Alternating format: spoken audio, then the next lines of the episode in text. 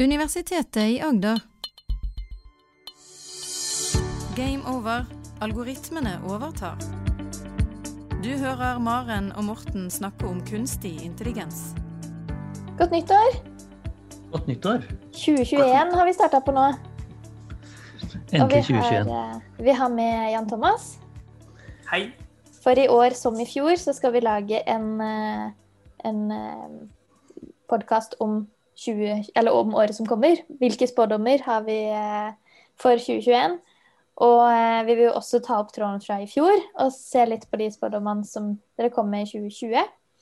Er de nådd, og er de ikke? Det er sant. For det er jo helt riktig at det var mange overraskelser i 2020. Ja.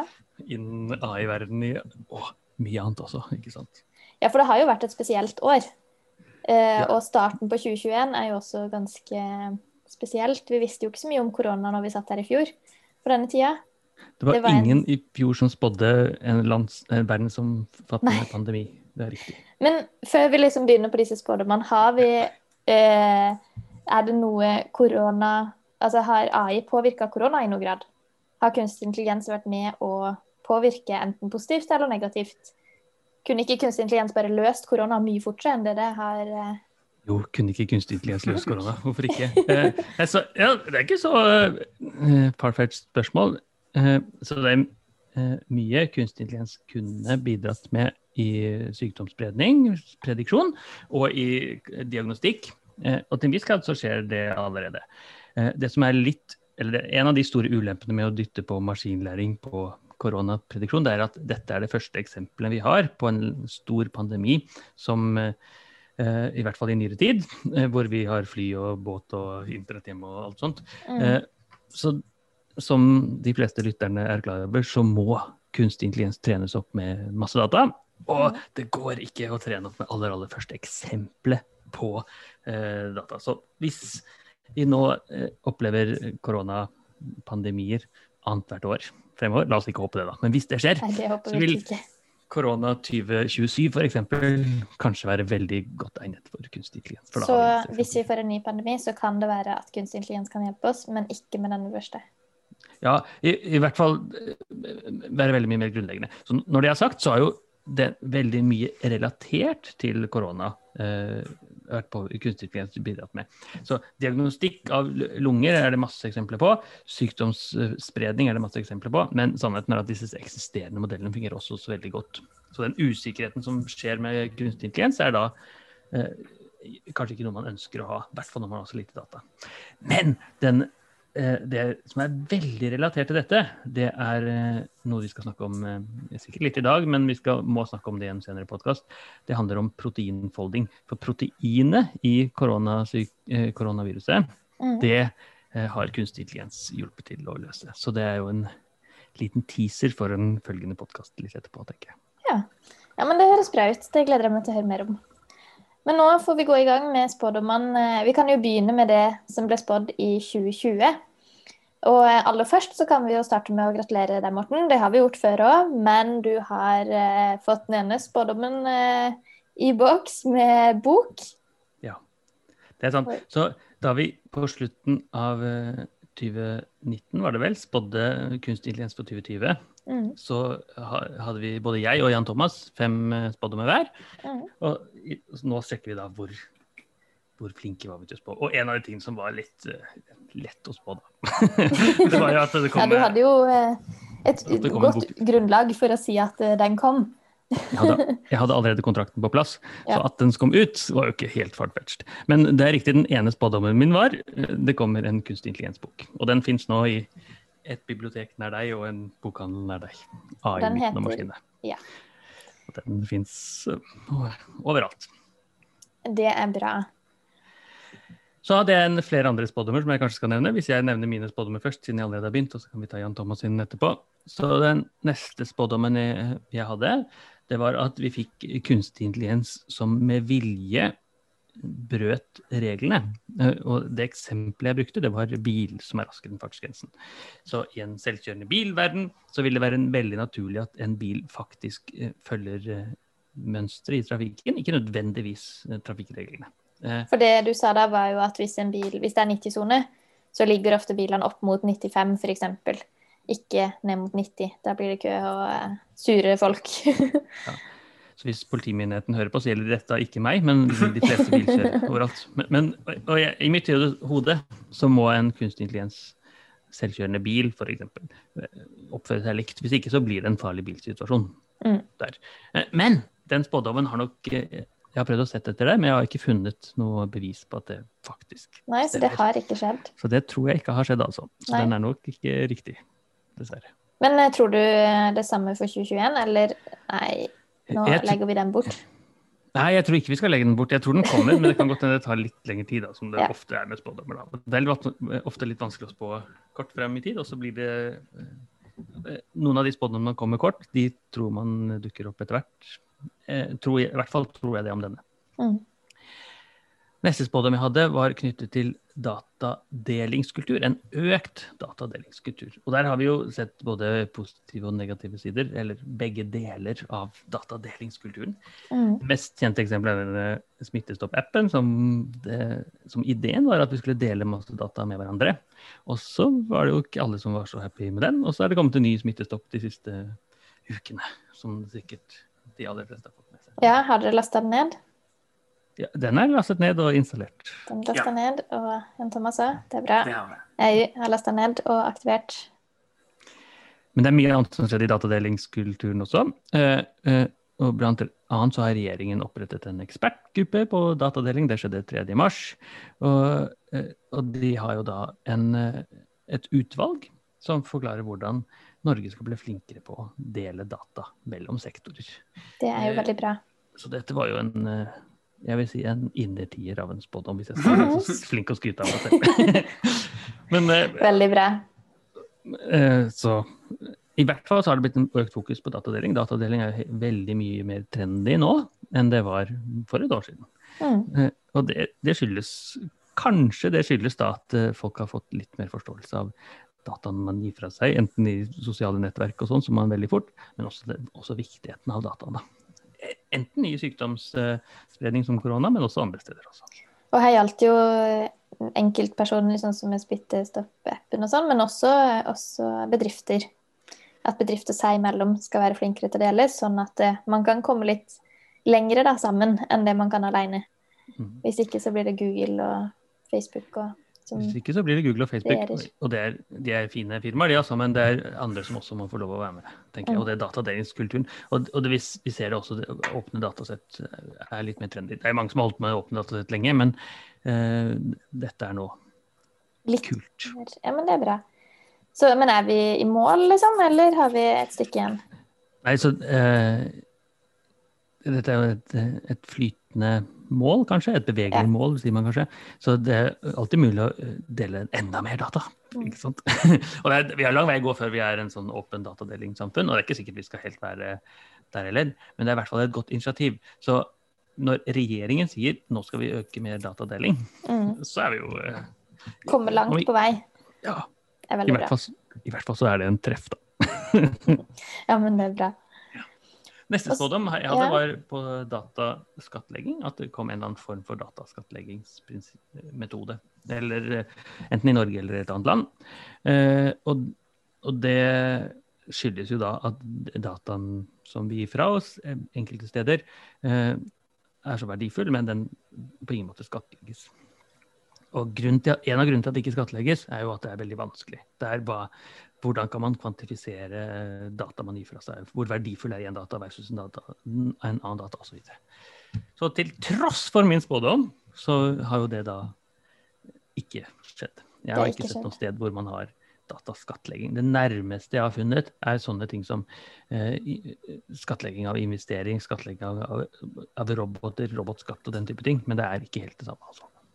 Ok. Så den er ikke, ikke i boks. Den er nok ikke i boks. Kanskje Jeg tror det- 2021? Kanskje 2021. Jeg har blitt litt mer, enda mer skeptisk til uh, dataskattlegging, for jeg har skjønt hvor vanskelig det faktisk er. Okay. Jeg, tror, jeg tror dataskattlegging kommer, men jeg tror nok kanskje ikke det skjer i neste år heller. Men på litt sikt, da. Og eller kanskje på en annen- måte enn det vi tenker på- i dag. Ja. Det Kanskje ikke mer enn kroner og øre. eh, Det kan godt hende det ikke er mer enn kroner, og det kan godt hende det er en eller annen form for eh, regnekraftskatt, f.eks.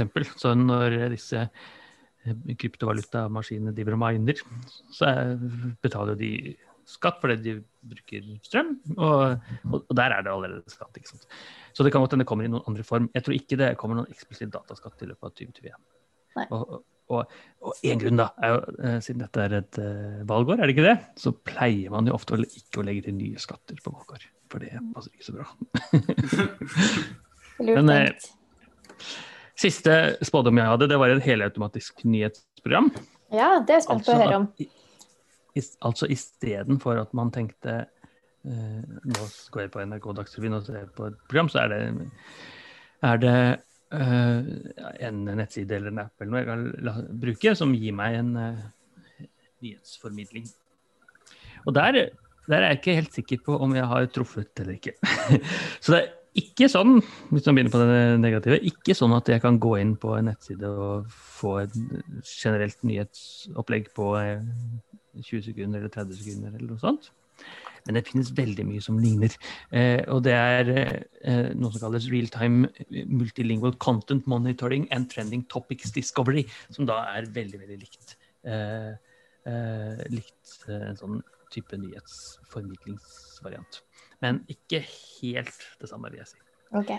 Og en av de tingene som vi sikkert skal snakke litt mer om eh, senere, det er GPT. Vi har snakket om den før, men den kan jo veldig, veldig fort brukes til eh, nyhetsformidling. Så jeg tror jo at i en sånn setting så kommer dette også veldig fort. Og den tror jeg spådommen ville fortsette å ha. Men jeg ville si en ikke, ikke et fullt poeng på den, i hvert fall. Kanskje ikke et halvt gang. Ok. Men vi, vi, må ha en liten sånn oppfriskning på GPT2. Ja. Det var en algoritme som lager tekst, var det ikke det? Ja, det er, en, det er en algoritme fra OpenAI som ja i tidligere tider heter General Pre-Training, men nå heter den General uh, Pre-Trained Transformers. Eh, okay. Som det er en, en veldig, veldig, veldig, veldig, stor maskinlæringsteknikk, trent med masse, masse data, eh, og kan brukes til mye av tekst, tekstanalyse, naturlig språkanalyse. bl.a. blant annet generere tekst. Eller, eller samtaleroboter, chatboter, lage fake news, den type ting. Så hvis jeg spør roboten eh, om, eh, om, noe, eh, hva er hovedstaden i Norge f.eks., så vil den svare Oslo. Hvis jeg sier kan du lage en historie om Oslo, så vil den fortsette å lage en historie om Oslo. Ja. Og da er det ikke i mitt hode er ikke far-fetched å si hvis du bare gir den litt nyhetsinnhold her og der, så vil du lage en nyhetssending for meg. Så den spådommen bør finnes fremdeles. Men da må du gi den den nyhetsinformasjonen. Den kan ikke bare nyhet... søke det og finne det selv. I dag så må du gi den en nyhetsinformasjon. Ja. Når, når GPT3, som er den seneste varianten, lager nyhetssendinger, så er det, eh, er det sånn at den finner på oppspinn.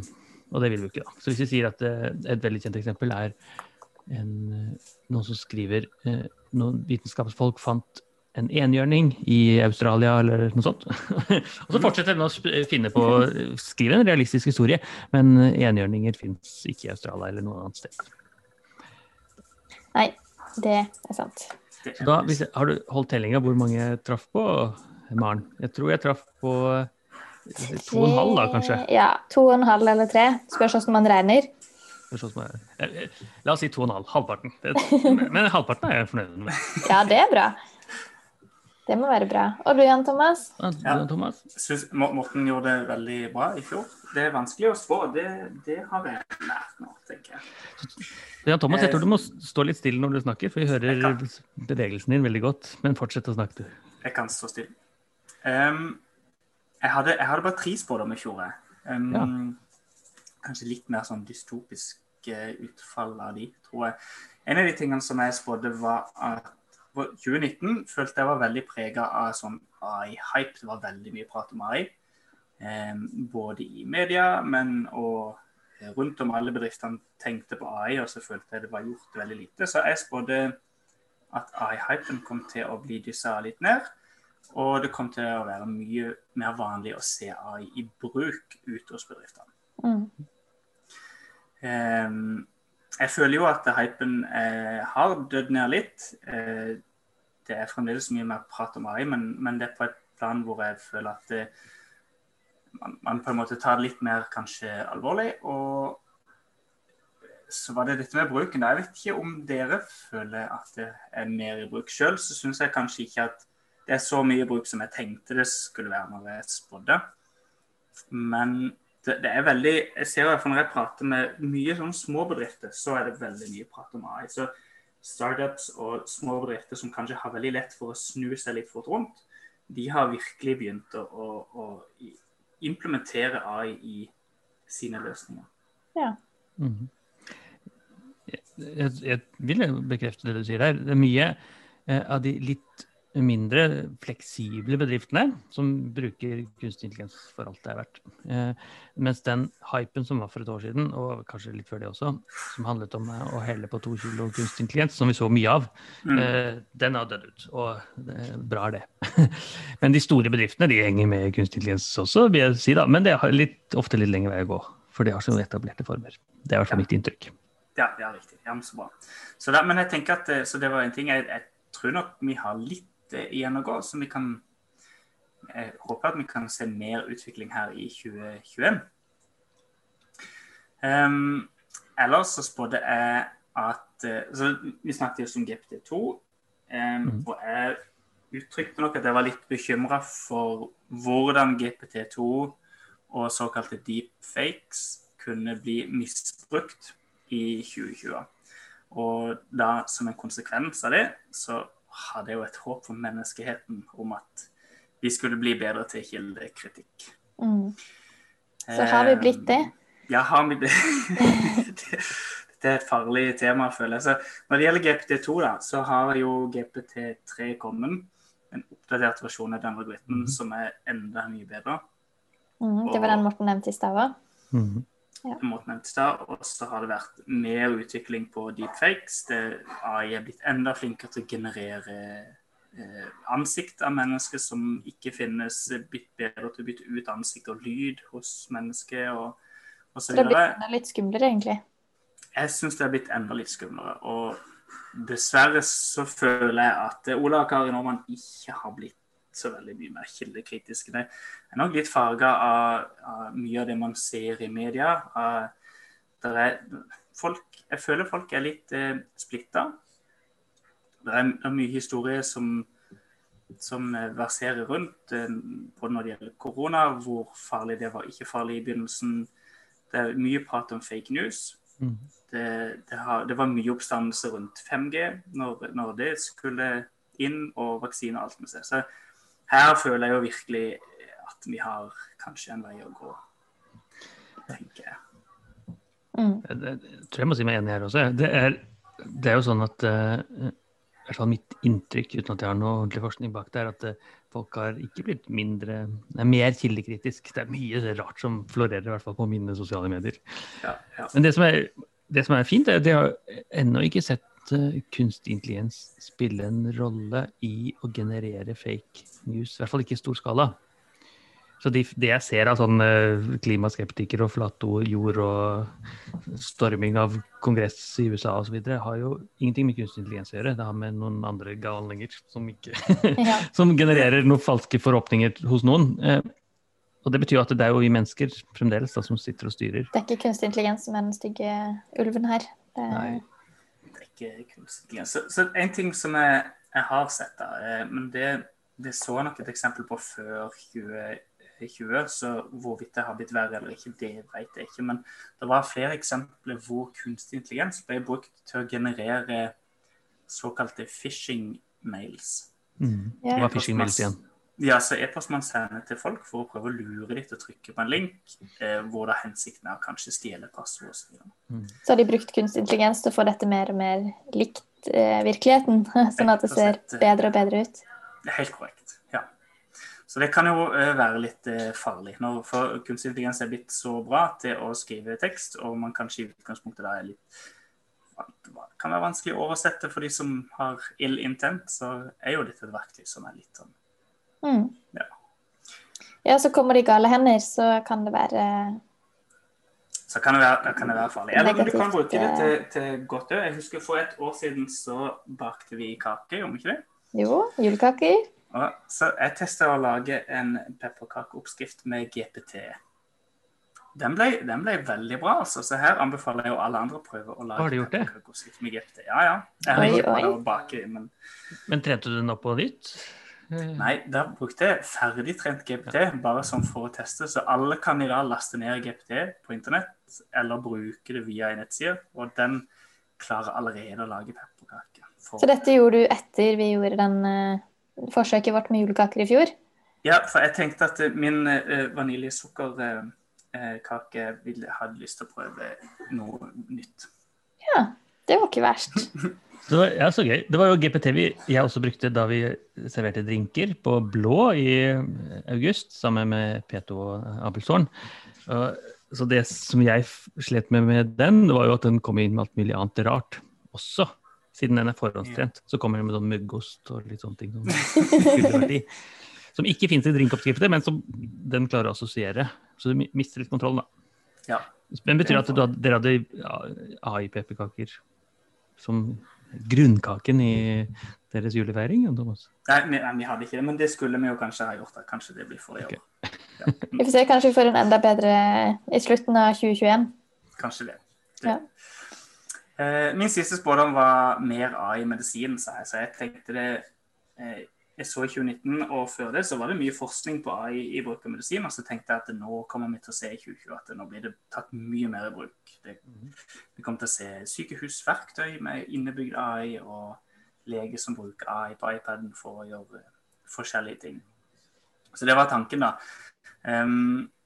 Nå, nå, nå vet jeg ikke hvor mye AI som faktisk blir brukt. eh, Men en ting som man har observert, er jo at det har blitt enda mer forskning på AI innen medisin. Og som Morten nevnte, så har, har vi jo fått denne nye algoritmen som eh, kan gjøre proteinfolding, Mhm. som er superbra. Så jeg føler kanskje at, at hvis jeg sniker den inn her, sånn inn i spådommen min, så har jeg kanskje litt, eh, litt rett. Ja, men det er bra. Vi gir deg poeng for den, gjør vi ikke det? takk. Ja. Det Jeg tror vi kan, vi kan snike inn noe mer òg, for eh, selv om det kanskje ikke er veldig mye inn i sykehusdriften og inne på sykehuset, er det masse eh, apper, eh, både nasjonale og internasjonale egentlig, så, som bruker den teknikken. altså alt flåttbitt og, og andre hudsykdommer og mye sånt, som ikke nødvendigvis er eh, gitt fra sykehuset, men som eh, det er ekte leger inn og, og eh, styrer og ordner. Så jeg syns jo du har truffet der, da. Nå var det litt sånn vag eh, spådom. Det blir mer, liksom. så det er eh, Men eh, jeg syns jo det, da. Så det betyr jo egentlig at du har jo treffet på alle dine tre, har du ikke det? Ja, jeg, bomma, jeg, jeg føler jeg bomma på to. For to, i, i spådom nummer to så, så spådde jeg at vi kom til å bli mer kildekritiske. Ja, så føler jeg at vi observerer det motsatte. Mm. Så du, du får to tredeler, og jeg får eh, en, en halv. Ikke sant? Ja, ja. Ja, du Jeg hadde litt flere år, da. Jeg tenker vi sier uavgjort det for Ja, 2020. ok, ok. Fint. Skal vi, ta, skal vi ta de spådommene som vi hadde i fjor for 2025, og så skal vi ta disse nye spådommene, kanskje? Så vi Ja, vi gjør det. For dere hadde jo eh, fem år frem i tid, til 2025. Ja. Skal jeg nevne, tenker du at vi nevner alle sammen i en bolk, eller tar vi en og en her for 2025? Nei, vi kan ta de som er mest interessante, kan vi ikke det? Jeg tror, jeg, vet hva jeg tror jeg har lyst til å gjøre for å spare litt tid? Hvis jeg nevner alle sammen, så kan vi eh, si hvilke som er, eh, gir mening, og hvilke som ikke gir mening. Ja. Fordi spådommene jeg i fjor hadde for 2025, altså fem år frem i tid, så det var at uh, Turing-testen skulle bli bestått. Altså at man kan snakke med en robot uh, som, snakker med, som snakker på et menneskelig nivå. Mhm. At det skal være en eller annen teknologibegrensende lovgivning à la skjermbruk, eh, ved skjermbruk i skolen eller for eh, unge barn eller noe sånt. À la Mhm. røykelovgivningen i Norge. Eh, så spådde jeg at det innen 2025 skal være en helautonom krig. Så det er jo ennå ikke skjedd, i hvert fall. Og så er det eh, 2025 eh, algoritmetilsyn. At man får et tilsyn som passer på algoritmene. Jaha. Så Og er det noen av disse som har gått i oppfyllelse? Nei, så eh, ingen har gått fullt i oppfyllelse enda. Eh, Nei? jeg har fremdeles tro på Turing-testen, så vi Ja. ser GPT2 blir bedre til GPT3. Altså det blir bedre og bedre, disse algoritmene. Så hvis vi gir det fire år til, så er jeg helt sikker på at vi kan holde en samtale. Mhm. Det er blitt mer og mer forståelse av hvordan teknologi påvirker oss i hverdagen. Vi har jo blitt hastedigitalisert i koronaåret 2020, og det har noen konsekvenser, selvsagt har det det. Men det har også konsekvenser for, for barn i skolen, f.eks. Mm. Så en eller annen lovgivning og noe sånt på det tror jeg nok helt sikkert. Kommer, altså Da tenker du sånn som aldersgrense f.eks. For, for reklame og det er sånne ting man tenker på. Mm. Ja, altså eh, tilrettelagt reklame på Facebook f.eks. Ja. Eh, har en høyere aldersgrense enn eh, generell reklame. Mm. Eh, helautonom krig. Vi har jo sett eh, våpenutvikling eh, raser av gårde. Eh, så jeg tror nok det fremdeles er en, en spådom som jeg ønsker å ha. Det har ennå ikke skjedd. Nei, vi håper jo at den ikke skjer, men sannsynligheten er der. Mm. Ja. Så disse er ikke, dette er spådommer, ikke nødvendigvis slik håper jeg 2020 Nei. Så jeg håper ikke det blir krig, selvfølgelig, men eh, det kan, det kan skje. Jeg tror, ja. jeg tror fremdeles det skjer da i løpet av de neste fire årene. Og ikke, ikke verdensomspennende krig med Kina mot USA, selv om også det er mulighet, da. Men, men en autonom eh, drone mot drone-type krig. I verden et sted. I verden et eller annet sted, ja. Mm. Så alt vi snakker om nå, er i verden et sted, ja. ja. ja. Siste algoritmetilsyn, det har ikke skjedd noe algoritmetilsyn. Datatilsynet har jo fått en, en, en, større rolle, hvor de har fått en, eh, en regulatorisk sandkasse for kunstig intelligens. Eh, så det har skjedd, eh, og det ligner litt. Og det finnes noen land som har fått det, det som ligner på algoritmetilsyn, i hvert fall. New Zealand er et sånt eksempel som skal passe på. Så, så da tenker jeg vi kan ikke si at den er OK, for jeg husker ikke helt om jeg spådde den i Norge eller i verden generelt. Men den er i hvert fall der. Uh, hvis Den er i hvert fall muligheten der. Så bra. Da. Så ja. ha, hvilke spådommer hadde du, Jan Thomas, for 2025? For, for 2025 så had, Jeg hadde bare to. Um, jeg spådde at vi kom til å se selvkjørende biler i løpet av fem år. Um, og da, og da jeg tenker det, da skal det fungere her òg. Jeg skal kunne sette en adresse på bilen min her hjemme som jeg bor, kanskje litt ute i Distrikts-Norge, og så skal bilen kjøre meg dit, dit jeg vil. Mm. Sette på at du vil til jobb, og da kommer du til jobb. Sette på at jeg, jeg vil til jobb, og da kommer jeg til jobb. Um, og den andre var en 100 kunstig artist på Spotify. Altså, ikke det at Spotify bare kunstig artister, men at kanskje min favorittartist er en kunstig intelligens som genererer tekst og lyd og alt helt uten menneskelig intervention. Um, når det gjelder den første, så, så den tror jeg enda på. Eh, Tesla har jo lansert en ny versjon av sin selvkjørende programvare, som virker å være veldig lovende. Eh, men så har vi jo mange andre firmaer som jobber med akkurat det samme. Waymo, som tidligere var Google, jobb med det samme. Eh, det finnes åpen kildekodeselvkjøring.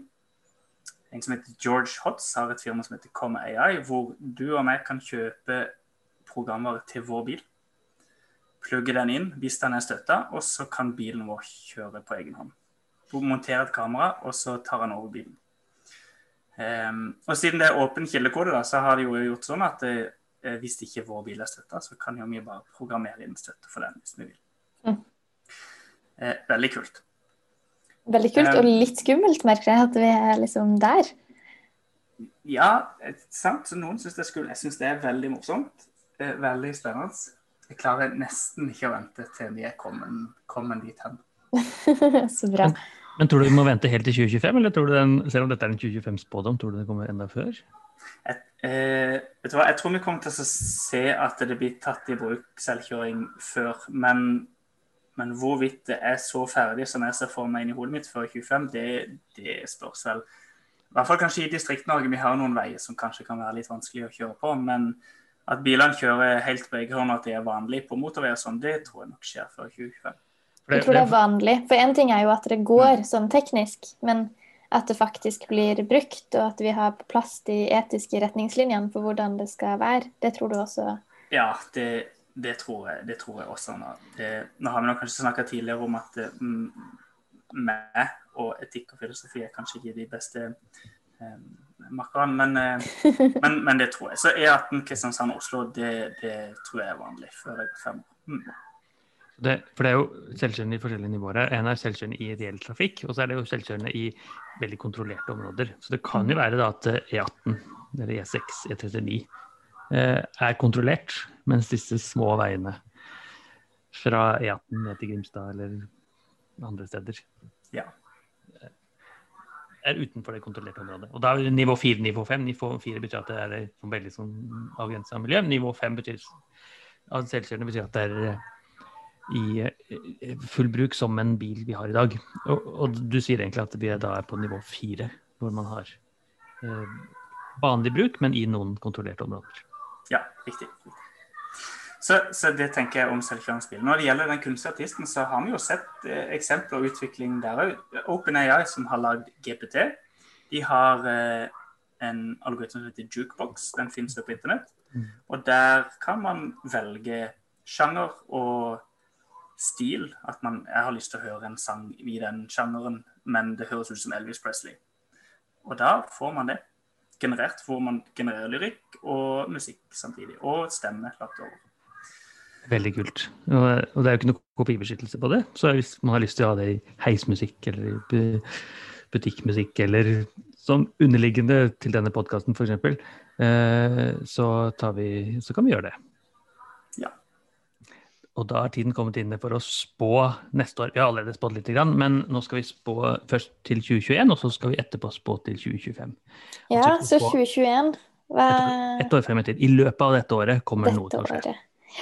Skal vi ta annenhver? Hvis jeg begynner, så kan jeg si uh, at jeg tror uh, at uh, kunstig intelligens får nobelpris i, Oh. medisin I 2021, i løpet av dette året her. i 2021. Ja. Eh, Nobelpris i medisin, ja. og, og det er ikke nødvendigvis det jeg tenker er ikke nødvendigvis at den blir gitt til algoritmen, for det er litt Nei. rart. Men Så det er en blir gitt- person. Ja, Nobelpriser gis til personer. Det er masse, en av de store kritikkene med Nobelpris er at det, det er aldri forskning, er aldri én person som gjør det, men allikevel er det én person som får prisen. Ja. Så jeg tror at noen knyttet til uh, DeepMind, uh, som har laget denne AlphaFold-algoritmen eh, Alfafold 2 er som er, Vi skal snakke mye om i en annen podkast, eh, men det handler om dette å, å gjette proteinstrukturen til Ja. proteiner.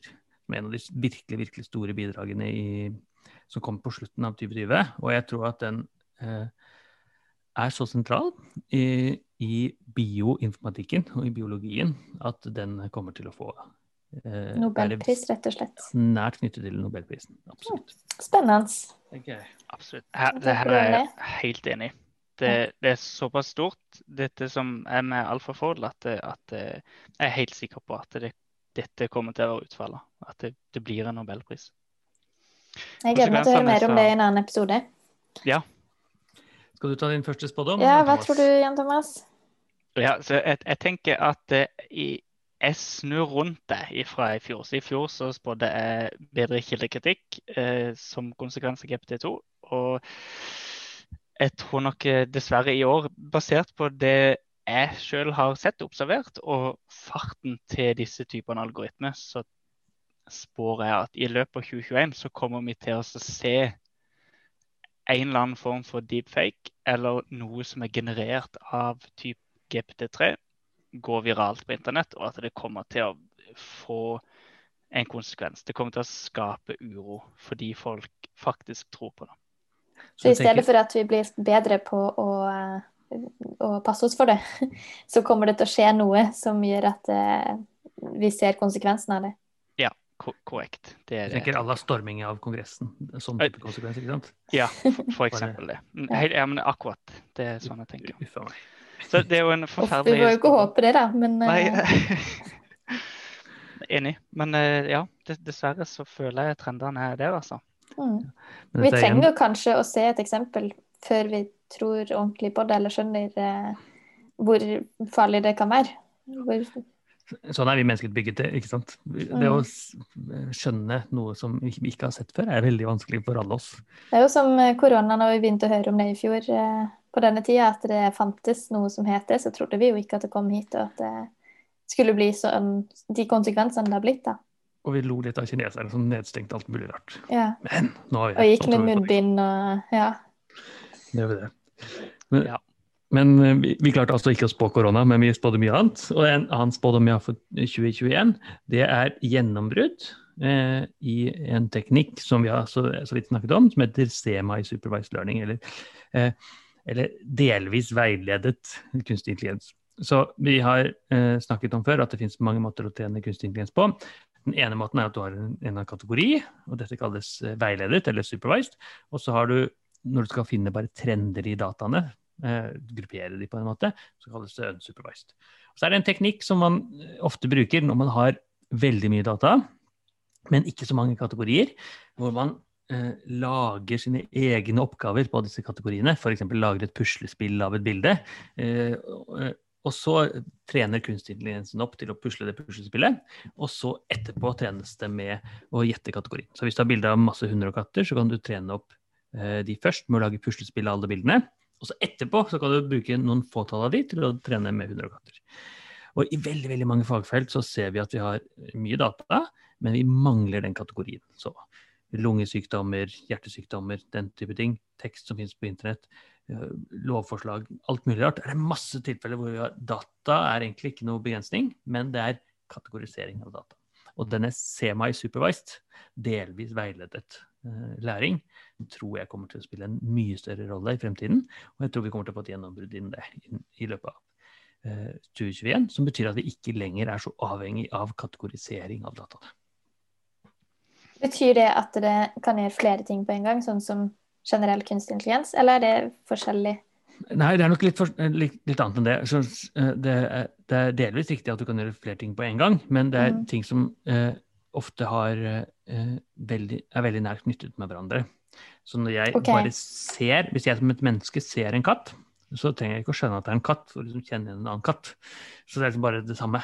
Mm. og, og, noen sånne mekanismer skjer i oss eh, hele tiden, for vi liksom bygger opp den kompetansen eh, fra vi er små barn. Eh, også, men en eller annen gang så må noen fortelle oss at det er en katt og dette er en hund. Sånn at du skjønner forskjellen på det. Eh, og, men det er ikke kunstig intelligens egentlig. For i kunstig intelligens så må du liksom ha dette er katt, dette er katt, dette er katt, dette er hund, dette er hund. dette er hund.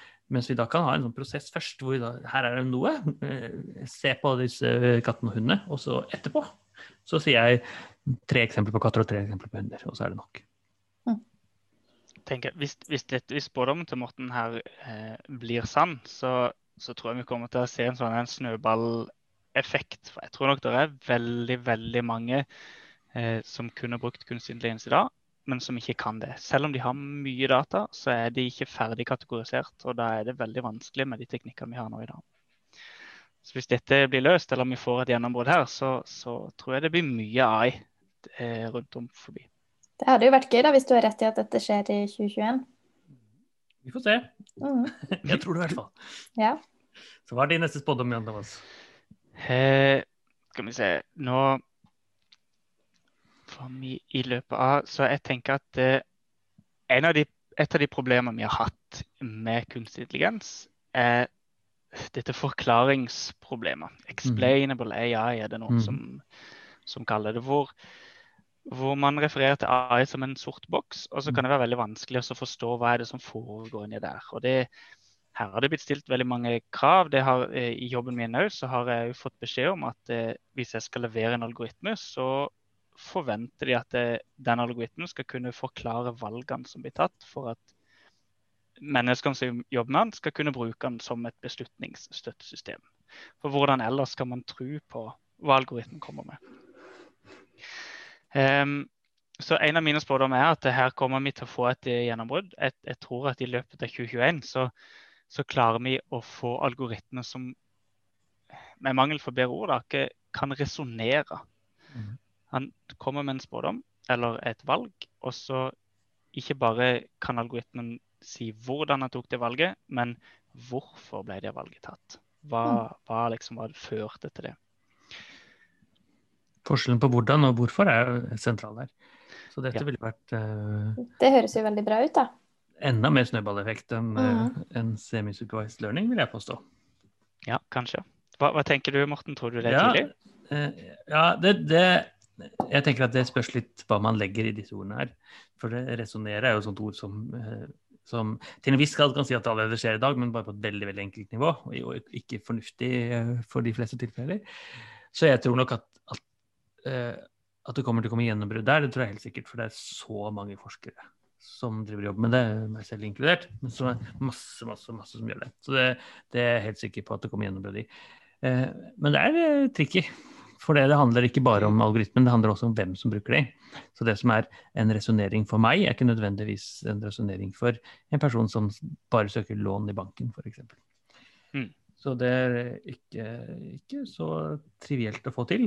Men så er det mange krokoder ut, i verden som jobber med det. Og det ikke det at jeg er blant de, men det finnes mange som er smarte og tenker at dette, dette løser vi. Og når mange tror det, så er det noen som får til noe, tenker jeg. Høres bra ut. Jeg vil jo absolutt si du er blant de, Morten. Ja, det vet jeg ikke, men hyggelig. Neste spådommen jeg har, det, Din, ja. det eh, kanskje går litt på det samme hvis vi i, i overfladisk så virker det ikke sånn, men jeg tror kanskje det gjør det allikevel. Så det er AI-drevet utviklingsverktøy la autocomplete, men for programkode. Så, Og dette må dere forklare hva det betyr. ja. så de fleste kjenner jo autocomplete når de skriver på en tekstmelding, så kommer det et ordforslag eh, der. Ja. Og det, dette skjer også når du skriver programkode. Det finnes verktøy som gjør det for deg. Du, du, du begynner å skrive en type løkke av en eller annen form, så kommer det forslag til, til hva du skal skrive. Og Mm. der finnes det kunstig intelligens-verktøy som, som gjør det ganske godt. Og du, du begynner å skrive på en forløkke, som vi f.eks. bruker i kunstig nei, eller i programmeringsverden mye, så kommer den med forslag for resten. Så det finnes allerede, og det er ikke det jeg spår. Det jeg spår, er at eh, hvis du i tillegg dytter inn eh, eh, eksisterende programkode, eksisterende verktøy, lignende type varianter, så kommer det med store forslag til hvordan programkoden skal se ut.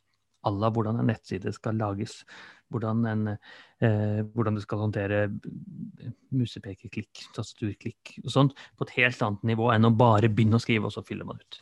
Mm. Så jeg, hvis jeg lager et stort program, så har jeg masse eksisterende ressurser og masse eksisterende programkode, og så ønsker jeg typisk å gjøre én ting til, eller noe sånt. Og så kan jeg si, gitt alt det jeg har, så vil jeg nå, i tillegg til nettside, også ha en app. Kan du lage det for meg? Og at det kommer en, eh, et verktøy som kan hjelpe langt på vei til å gjøre de tingene. Wow. Hva tror du om det, Jan Thomas? Jeg tror, eh, jeg tror nok Morten er inne på noe her. Det er i hvert fall et verktøy som kommer til å forandre hvordan i hvert fall, hvert fall hvordan jeg jobber, men som jeg tror veldig mange andre jobber òg. Mm, men jeg tenker i tillegg så er jo dette et verktøy hvis, hvis det blir sånn at vi får AI som kan hjelpe til med programvareutvikling på den måten, så, så vil det jo forbedre hverdagen til f.eks. mennesker som ikke kan bruke mus og tastatur. Eh, i, I dag jeg har sett eksempler på utviklere som programmerer med stemmen. Eh, Ja. og det finnes ganske mange gode verktøy for det, men de, de, de er jo gammeldagse da, og basert på gammel teknologi. Så, så hvis vi får denne typen teknologien her, så, så vil det jo åpne døra for, for veldig mange andre i tillegg, tror jeg. Høres veldig bra ut. Hvor realistisk tror du det er, Jan Thomas? Du som sitter og programmerer til daglig. jo, jeg, tenk, hmm, jeg tenker at de verktøyene som, som du sier, vi har jo allerede verktøy der for autocomplete og sånn, og de, de syns jeg er blitt eh, veldig gode. Det kommer stadig nye verktøy eh, som hjelper med å programmere. Um, jeg tror nok ikke, jeg tror ikke det er så urealistisk. Jeg tror du er inne på noe. Og så kjenner jeg at jeg håper egentlig du får rett. Det kommer til å bli veldig interessant hvis, det, hvis jeg kan jobbe sammen med en AI. Det, det tror jeg blir moro. Det endrer jo ikke bare programmeringshverdagen, det endrer jo eh, undervisningshverdagen. Vi underviser jo programmering, ikke sant. Og jeg har gjort det i flere år. Så, så nå, hvis jeg da kan komme på første Nå underviser jeg ikke det faget lenger, men hvis jeg kunne komme på første forelesning og sagt at nå, trykk play her. Ja. Så er det ja, ja, riktig. eksamen er til døra til høyre. Jeg tror ikke det blir sånn, da. Men jeg tror det kommer til et stort bidrag. Så hva er din neste spådom, Jan Thomas? Eh, den, den er knytta litt opp til det vi så med, med AlphaFold fra DeepMind. At nå som vi først har sett dette, eh, en, en så, et så stort gjennombrudd eh, Når de først slipper teknologien sin, og vi får studert den litt og sett Mm. hvordan de gjør det, så, så spår jeg at vi kommer til å få flere gjennombrudd i år som kanskje nærmer seg samme størrelsesorden som, som alfafold. Men hva det er, det vet jeg ikke helt ennå. Nå teaser vi mye med alfafold, men en av de tingene som, eh, som vi da skal snakke om i neste podkast, blir vel antageligvis, det er jo at de eh, faktisk ikke har gitt ut koden. Så det virker jo som DeepMind kanskje ikke åpner opp så mye som vi håper de skal. Mm. Eh, og kanskje får det som et kommersielt verktøy.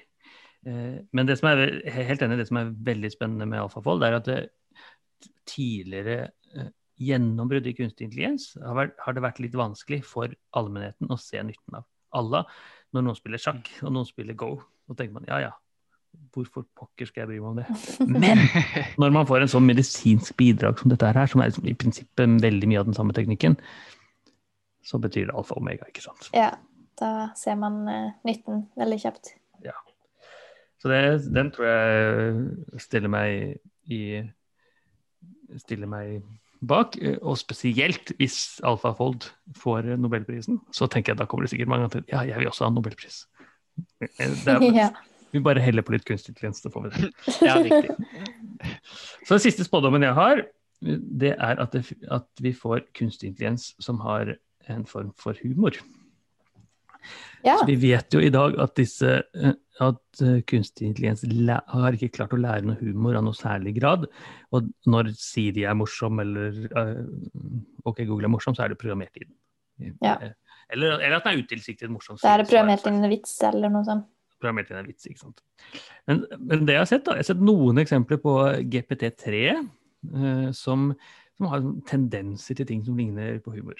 Så, så jeg tror da at det, det aller menneskeligste eh, vi kan tenke oss nesten, det å liksom kunne vitse om ting og skjønne den sosiale settingen og alt sånt, at, at det kanskje ikke er så vanskelig som jeg har trodd. At det går an å få en kunstig intelligens som kan kanskje skrive vitsebobongene i kransekake. Ja, de er ikke sånn kjempeimponerende hvis det er det de skal få til. Men jeg er ikke Ja, veldig imponert hvis det er der humoren eh, går til. Kanskje enda bedre enn det også. Men i dag så klarer du ikke å klarer du ikke engang å skrive de vitsene. Nei. Men det er en eller annen dansken, svensken og nordmann-vits lagd av kunstig intelligens. Ja, men det høres bra ut. Innen 2021. Dette Nei, Når, Ja. jo, innen 2021, Jo, når vi 2021, snakkes neste ja. år. Når vi snakkes neste år, så kan vi da fortelle ja, her, er, her har jeg en ti-tolv vitser lagd av kunstig intelligens. ja, men det gleder jeg meg til å høre. Ja, Jeg, har, jeg håper jo også at eh, denne GPT3 som dere snakker så mye om, kan være med å uh, få uh, automatisk teksting på alt av videoer. Det er jo ganske bra på engelsk nå, men også på Mm. norsk. Det tror jeg, det, vet du, det tror jeg det stiller jeg meg også bak. Så det er din spådom. Det er, min, det er mitt håp, i hvert fall. Men vi ser det, vi ser det f.eks. på YouTube. Veldig veldig god på engelsk. Dette er Mm. ma- maskinlæringsbasert, kunstig men så er det litt dårligere på norsk. men kan vi klare å få det i 2021, tror dere? Jeg tror ikke, Det er ikke noen prinsipiell grunn for at ikke det skal gå. Nei, enig, enig i det. Det hadde vært fantastisk. Det handler For bare oss som om jobber med video og teksting, i hvert fall. det Det handler jo bare, eh, quote on quote, eh, i hermetegn, om Mm. eh, ressurser man dytter inn. Trening Ja. man dytter inn. Så det, engelsk er ikke noe vanskeligere enn norsk. Eller engelsk er ikke noe enklere enn norsk, det er bare Nei. at det er mer på engelsk. Mer på engelsk, ja. Så nå har vi s- eh, 2025 spådommer, har vi ikke det? Eh, som vi skal spå. Eh, som da blir fire år til. Eh, Ja. Og da, hvis jeg starter her, så eh, har jeg en tre spådommer. Kanskje at du også har, Jan Thomas. Så i tillegg til det vi allerede har snakket om, så eh, tror jeg vi kommer til å se eh, et AI-sentrert eh, sosialt medium. OK. Det høres litt rart ut, for hvis man tenker på kunstig intelligens, så tenker man jo ofte på sosiale medier. Ja, for jeg tenker jo det er jo Facebook. Det er, det er Facebook eller Instagram. Men, men egentlig så er det sånn at disse, disse var jo ikke designet med kunstig intelligens eh, i utgangspunktet. Og kunstig intelligens er noe som har hengt på etterpå. Eh, Ja, ja. På toppen av, av eh, Facebook osv. Eh, så f.eks. Eh, sensurering eh, var først mennesker som sensurerte, og så etterpå så var det noen kunstig intelligens som, som gjorde dette. Eh, og jeg tror eh, at, at det å lime på kunstig intelligens sånn på slutten, det kan funke, det. Og det gjør det absolutt i, i Facebook og Instagram og TikTok og alle disse her. Men jeg tror det kommer til å komme en sosial medium som, som hvor kunstig intelligens står helt sentralt. Dette er kunstig intelligensbasert. Eh, og som da løser mange av de problemene vi f.eks. ser med falske nyheter på Twitter. Eller folk som driver og engasjerer til eh, hva det nå skal være av eh, ting på utenfor Kongressen i USA. Og denne type problemer, som vi ikke klarer å løse med sosiale medier i dag, det tror jeg at eh, et sosialt medium som har kunstig intelligens helt bygget ned fra bånn av, kan løse. Så det kommer et eller annet nytt sosialt, sosialt medium som dukker ut Facebook og Twitter og TikTok og Instagram Oi. og alt disse, som er kunstig intelligensbasert. Er-.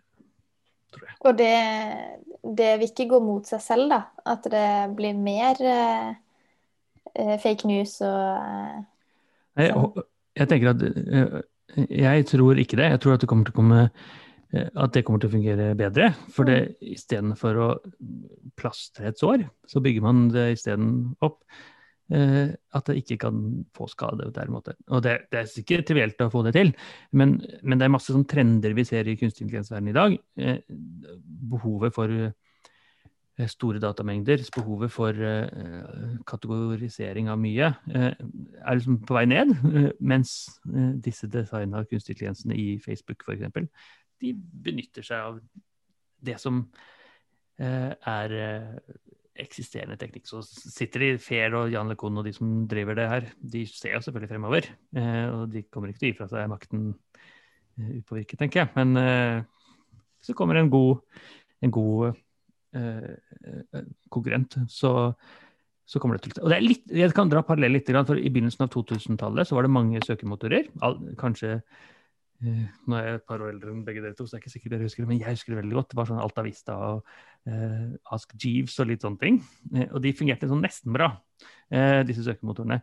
Eh, og så kom Google, og fungerte veldig, veldig mye bedre. Og da vant Google. Så Yahoo Eh, Alta Vista de hadde nesten 100% markedsandel. Og så kom Google og gjorde dette enda bedre, og løste de problemene som var. Bl.a. med fake eh, linker og fake eh, mye rart. og jeg tror det kommer til å skje det samme i sosiale medier. Eh, Facebook fungerer veldig veldig bra, men det er noen problemer. Det er noen fake news og det er litt sånt. Og så kommer det en eller annen som bare Vet du hva, vi vet hvordan vi gjør det. Vi bruker kunstig intelligens helt fra bånn av. løser det. Det, høres hørtes jo veldig Men tenker du at, da tenker du at kunstig intelligens skal ikke brukes til å generere innhold, men heller eh, eh, moderere hva slags innhold som er der, eller? jeg, jeg tenker begge deler. Jeg tenker at, eh, at, at Altså, Detaljene er ikke på plass, for dette er jo ikke en pitch for en uh, investering. Men ja, hvis det er noen som har lyst til å sponse meg for det, så skal jeg gjerne. Jeg, jeg, tenker, jeg tenker mye mer at, uh, at her dataen som lagres, det lagres på en eller annen måte som gjør at kunstig intelligens kan bruke det veldig lett. Mm. Uh, og vi, vi finner sånne ting som f.eks. Uh, ekkokamre. Som, som skjer som en konsekvens av kunstig intelligens, eh, løses for det det ligger i båndene og sier at vi skal ikke skape ekkokamre, f.eks. Så når man da prøver å plastre Facebook med å si at du skal ikke få ekkokamre, så vil en kunstig intelligensbasert system som kanskje genererer tekst, eller kanskje finner venner som eh, snakker litt annerledes enn deg og ser litt annerledes ut og har litt andre holdninger også. Jeg tror ikke det er så lett å løse i dagens eh, sosiale medier, men et helt nytt et så går det. Ja. Innen fire år så Innen fire er år, dette ja. på plass. For jeg heier på spådommen til Morten. Det høres bra ut. Har du da, Jan Thomas? Ja, så um, jeg tenker jeg har, Egentlig så har jeg bare én ny en fra de som er kommet i fjor, så eh, kan, vel bare ekkoe de, de to jeg hadde. Jeg, jeg, jeg står fremdeles med at jeg tror på selvkjørende biler, som jeg sa i stad. Og at vi kommer til å se mye mer av generert eh, musikk og den typen innhold Mm. eh, av kunstig intelligens. Eh, den nye jeg har, eh, syns jeg er litt spennende. Så jeg er veldig interessert i det som skjer ut forbi i jorda òg. Um, Ja. Og trendene vi ser jeg tror, Vi har kanskje i hvert fall, i hvert fall har Morten snakket om dette før, at f.eks. de roverne som kjører på Mars, eh, allerede i dag har et snev av kunstig intelligens for å på en måte hjelpe de å, å manøvrere, så ikke de trenger den inputen fra mennesket hele tida. For det tar ganske lang tid å kommunisere fram og tilbake til Mars. Det er i 20 minutter, tror jeg. Noe sånt. Og da er det veldig vanskelig å styre ting i real time. Men det problemet blir bare enda større hvis du beveger deg enda lenger vekk fra jorda. Ja. Og, så det er jo planlagt eh, eh, en tur til Titan, som er en av månedene til Saturn. Og det er så langt vekk at hvis noe skal fly der, Mm. eller kjøre der, så, så kan det ikke bli styrt av mennesker. Da må det manøvrere helt på egen hånd. Mm. Så, så jeg spår da at innen 2025 så, så kommer kunstig intelligens til å være en av de aller viktigste komponentene og eller verktøyene som vi har når vi snakker om utenomjordisk forskning. Dette ligner på en TV-serie som jeg driver og ser på nå, som heter Raised by Wolves. Det kanskje er flere av dere som har sett den, men det handler jo om nettopp Man sender ut eh, et par kunstige intelligenser ut. til et annet sted i verdensrommet, og så skjer det mye rart, da. Ja. Spoil- Spoiler, men det er jo typisk de problemene som det er med kunstig intelligens. Men det, det, jeg har bare to-tre episoder inn der, men enn så lenge så er jeg eh, veldig imponert over den TV-serien. i hvert fall. Ja, ja, riktig. Har, har du sett den, Jan Thomas? Jeg har, ikke, jeg har ikke sett den, men det hørtes jo veldig morsomt ut. Jeg tenker, Her må vi sjekke ut. Så da, vi får håpe at konsekvensen ikke blir akkurat det samme, da, for det Ja, uten å spoile for mye. Jeg har, jeg har faktisk et par eh, nye spådommer jeg, eh, og, som ikke hadde før.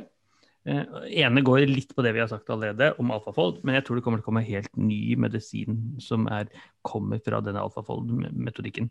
Altså hvis jeg i 2025 kjøper en eller annen medisin av en eller annen sykdom jeg har, eller, eller forbedring av kroppen på andre måter, så har den en eller annen alfafold-type stempel. Eh, altså dette har eh, DeepMind eh, gravet seg litt ned i og predikert noen proteinstrukturer som gjør at eh, allergimedisinen her fungerer veldig, veldig bedre enn den gjorde før. Så den type medisin tror jeg kommer. Det har vi snakket litt om, så det tror jeg vi kan gå litt raskt gjennom. Og så tenkte jeg den siste eh, jeg skulle spå om 2025, det går mot eh, selveste Elon Musk, nå verdens rikeste mann, Elon Musk, eh, sier at innen 2025 så får vi superintelligens, altså roboter som er mer intelligente enn oss. Og det tror ikke jeg. Jeg tror det er eventuelt mye lenger frem i tid til denne superintelligente superduper roboten kommer. Så du tror det skjer en gang, eller er du usikker på det? Ja, når du sier én gang, så tror jeg det skjer én gang. Okay. Men én gang er da veldig lenge til. Ja, Ikke, ikke- i løpet av- de neste fire-fem åra. ikke de neste fire. Nå ble det bestemt at vi skulle bare spå fire år, så jeg har ikke lyst til å si mer enn fire år. Men ikke i løpet av de fire årene, ja. Men Morten, jeg blir helt nødt til å, bare nødt å spørre. Tror du det kommer til å skje innen, innen vår levetid? Ja, sånn, ja. Eh, nei, jeg, jeg, jeg, ah, det er veldig vanskelig å si. Eh, så jeg eh, er i hvert fall eh, ikke overbevist om at det kommer til å skje, for å si det på en politikermåte. Så det er eh, Jeg tror eh, Hvis datautviklingen fungerer sånn som den gjør, eh, så må vi fremdeles finne på et eller annet nytt for å få til mye av de tingene som vi ikke vet helt. Er det snarere det meste spor av i det hele tatt, av hvordan man får det til. Så eh, det er, jeg tror det å snakke om superintelligens er litt som å eh, disse gamle grekerne som satt og spådde om jorda og reiste til månen, var det noen som snakket om. Og det er eh, mulig, men eh, vi har liksom ingen anelse om hvilke begrensninger som er der. Så hvis jeg skal spå innen vår levetid, så tror jeg kanskje svaret er ja. For jeg har tenkt å leve ganske lenge, men, men med, det, med den bakgrunnen, da. Riktig. Ja. Så hva tenker du, Maren? Hvordan ser du verden for deg eh, om fem år? Jeg syns det høres spennende ut med alt dere sier kommer til å Eller tror kommer til å skje. Så um, det er jo en eh, kjapp utvikling, dette her. Så eh, ting vi ikke ser i dag, er jo plutselig en sannhet i morgen. I, nesten, da. Det er helt riktig. Sånn er det. Og, det, og det, teknologien har overrasket oss mange ganger, så det kan hende at eh, det kan hende at ikke alle spådommene slår til, men kanskje helt andre spådommer. Det høres veldig bra ut. Da tror jeg vi runder av for i dag, og så eh, håper vi på et godt år til alle sammen. Tusen takk, Jan Thomas, som ble med oss. Tusen takk for at jeg ble spurt om å komme. Du hører Maren og Morten snakke om kunstig intelligens. Har du spørsmål til Maren og Morten, send en e-post til gameover.alfakrølluia.no. Du har nå hørt en podkast fra Universitetet i Agder. Du finner flere podkaster fra UiA på uia.no podkast.